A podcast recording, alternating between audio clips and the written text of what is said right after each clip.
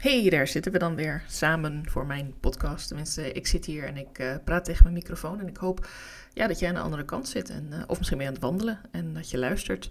Ik ben uh, vorige week te gast geweest bij een heel tof event. Een inspiratiemiddag voor de teams van Met Je Hart. Dat is een organisatie die zich inzet voor eenzame ouderen. oudere mensen die ja, alleen komen te wonen. Of die ja, eigenlijk niet meer zo heel vaak mensen over de vloer hebben. En daardoor ja, een beetje eenzaam weg zitten te kwijnen eigenlijk. En hele mooie acties. Bijvoorbeeld uh, gaan ze met een groepje uit eten of lunchen of ergens wandelen. En uh, dat zijn altijd mensen uit dezelfde regio, waardoor die mensen elkaar ook uh, dan kunnen gaan leren kennen en elkaar vaker opzoeken. Dus ja, ik vond het een heel mooi doel om daar aan bij te dragen. En ik was uitgenodigd om daar een workshop te geven, drie keer achter elkaar. Ik vond dat van tevoren ook best wel een, ja, een grote uitdaging. Ik had dat nog niet eerder gedaan, drie keer dezelfde workshop gegeven op één dag. Ik heb wel vaker workshops gegeven, ook vaker live workshops gegeven. Veel online de laatste tijd, maar ik weet hoe het is om voor een groep te spreken. En uh, voor mij is het altijd zo, als ik weet waar ik het over moet hebben, dan lukt het eigenlijk altijd wel. En ik wil er graag wat over vertellen uh, ter inspiratie aan jou. Omdat ik denk van ja, misschien dat je ook wel nadenkt over een eigen workshop geven, online of fysiek live. En dat er dan dingetjes zijn waarvan je denkt, ja, gaat mij dat wel lukken? En ik ben heel erg van mening dat als ik het kan, dan kan jij het ook. Ik bedoel, hè, ik ben niet een soort superhuman of zo. Ik heb ook gewoon uh, dingen die niet lukken bij mij. Dus uh, het is ook een kwestie van gewoon durven en doen.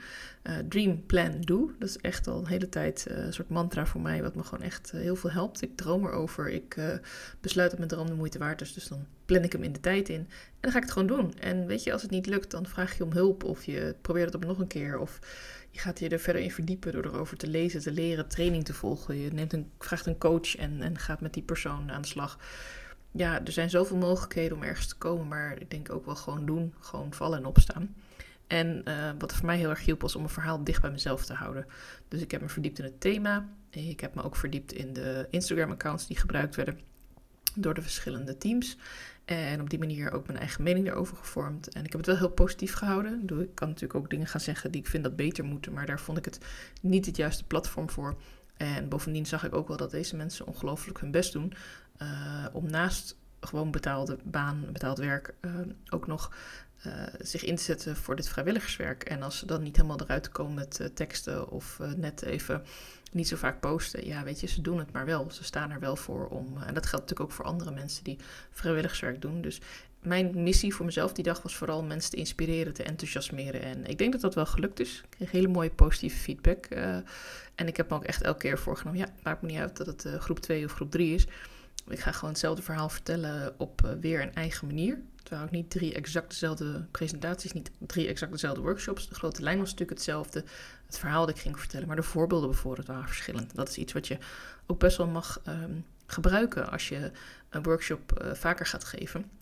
Ligt natuurlijk ook aan of je doelgroep steeds hetzelfde is of dat je één basisworkshop bijvoorbeeld aan verschillende doelgroepen geeft. En de ene keer iemand in de zorg en de andere keer een groep uit het onderwijs, noem maar even een voorbeeld.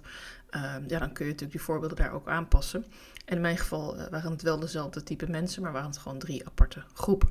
Gemiddeld had ik zo'n 15, 16 personen in de groep. Dus ik heb ongeveer 45 mensen die dag uh, mogen inspireren. Tenminste, dat hoop ik. uh, ze hebben ook wat vragen gesteld over hun content. Dus dat is ook fijn voor mij. Dat ik daarin ja, weer ideeën kan opdoen van wat leeft er eigenlijk. En wat zijn eigenlijk die vragen die mensen hebben. En die ja, de echte mensen hebben. Dat klinkt een beetje gek als ik het zo zeg, want iedereen is natuurlijk een echt mens. Maar um, vaak zitten we ook een beetje in ons eigen hoofd. Ik ook wel. Dan, dan zit ik echt te bedenken van nou, waar zou jij tegenaan kunnen lopen? En, maar goed, ja, ik als, en dat zeg ik tussen haakjes, expert. Want ook ik mag nog elke dag bijleren. Ik weet natuurlijk al een heleboel. Voor mij zijn heel veel dingen heel natuurlijk. Uh, ik kan tien vingers blind typen. Ik kan op mobiel heel snel iets opzoeken of typen.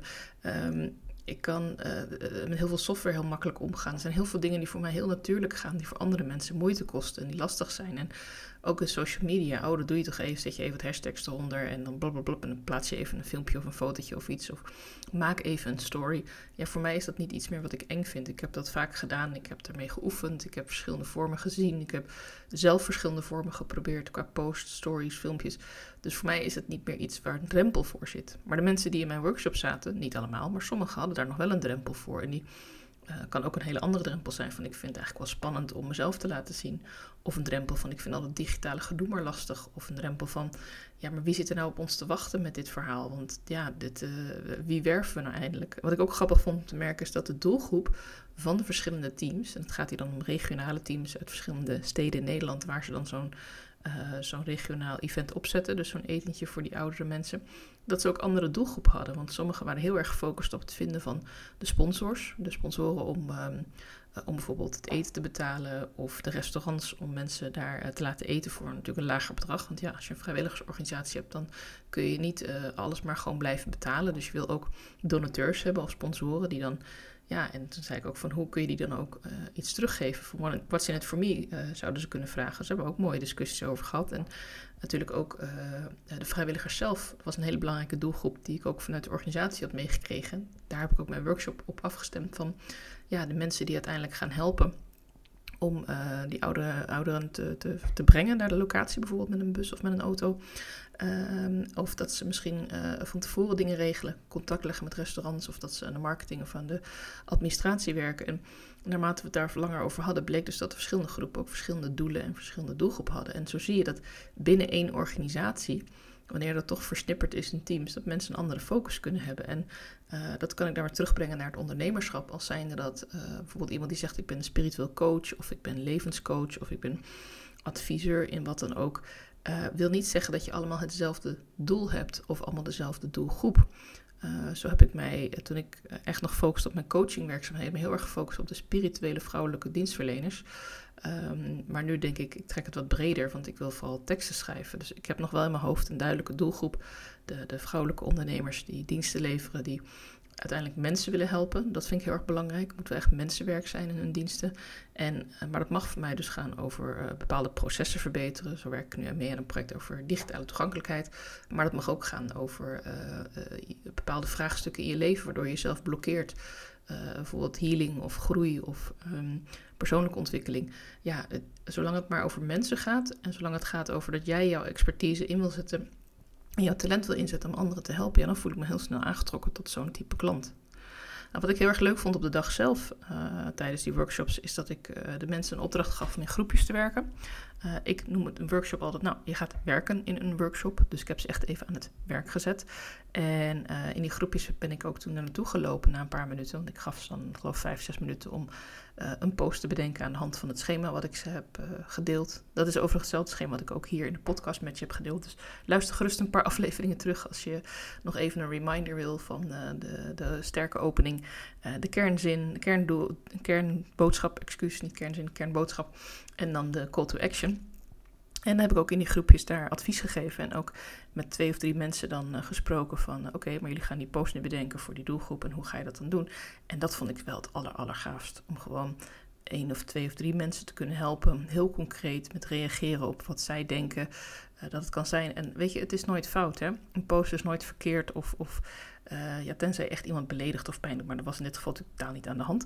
Maar eigenlijk is een post nooit fout, want als jouw intentie goed is om deze doelgroep te helpen, om uh, mensen te werven die ook een hart hebben voor uh, oudere mensen, die ja, gewoon nog een plekje verdienen in de maatschappij en die ook gewoon lol mogen hebben en die ook mooie wandelingen maken, ervaring met elkaar uitwisselen, gewoon een praatje maken over het kopje thee. Ja, dan, dan dan is er toch eigenlijk helemaal niks fout hoe je dat dan verder op je socials deelt. Kijk, het ene is meer effectief dan het andere, maar we spreken niet over goed of fout. We spreken vooral over, hey, wat wil je bereiken? Hoe wil je dat bereiken? En wie wil je bereiken uiteindelijk? Wie is jouw doelgroep? Wie, wie mag die post zien? Wie mag zich daardoor aangesproken voelen?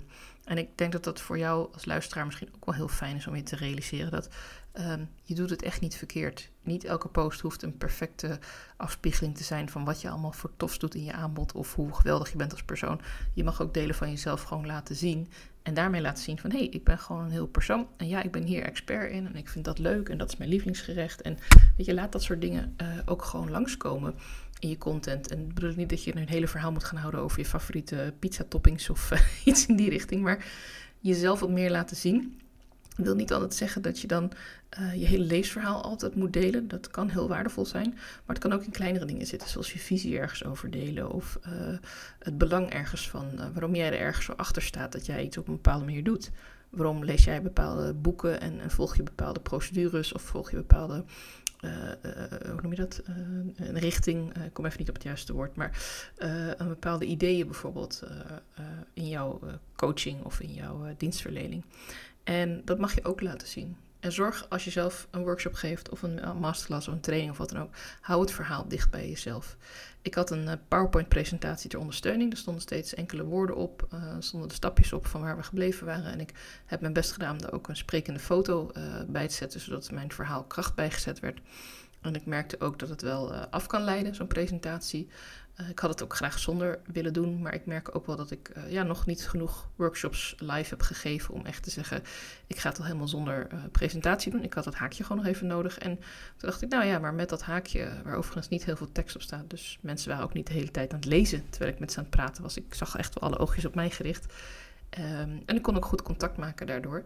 Maar het, gaat toch een beetje, het geeft toch een beetje houvast voor mij om te weten, hey, waar ben ik in mijn verhaal? En ook voor de, voor de kijker om even te zien, oh ja, we zijn nu daar. En zeker wanneer je iets vertelt wat mensen nog niet veel ervaring mee hebben, of zoals ik aangaf, dus ook nog wat drempels over moeten, dan kan zo'n zo'n haakje kan dan net even helpen om het allemaal wat minder heftig en groot te maken. Want uh, als jij bijvoorbeeld een thema wil bespreken waar mensen ja, toch geraakt door worden of kwetsbaar van worden, dan mag je ook daar ruimte voor geven. En dat hoeft natuurlijk niet met een presentatie te zijn. Dat kan ook zijn doordat je bepaalde voorbeelden geeft. Dat kan ook zijn doordat je, als je bijvoorbeeld een vrouwencirkel hebt, uh, dat je een, een, stukje rust inbouwt. Dat je samen even een meditatie doet van een aantal minuten om te landen. Weet je, dat soort dingen om mensen ja, bij elkaar te houden en ook te zorgen dat iedereen zijn plekje vindt. Ja, dat, uh, dat vind ik heel mooi. In dit geval gebruikte ik daar dus mijn presentatie voor, maar er zijn ook andere tools voor. Nou, ik ben blij dat ik dit met je kon delen. Ik vond het ontzettend leuk om een workshop te geven en ook weer content uit te halen voor deze podcast. Uh, misschien haal ik er nog wel meer dingetjes uit de komende tijd voor andere afleveringen. Heb je zelf een tof idee? Uh, neem gewoon even contact met me op. Want ik vind het altijd heel leuk om uh, vragen van klanten of vragen van mensen die zelf luisteren mee te nemen. En als je het leuk zou vinden om een keer met mij in gesprek te gaan, dan staat de deur wagenwijd open om even kennis te maken en ook een podcast interview, dan wel podcast gesprek af te stemmen met elkaar. Lijkt me hartstikke leuk. Wens je voor nu een hele fijne dag en dankjewel voor het luisteren.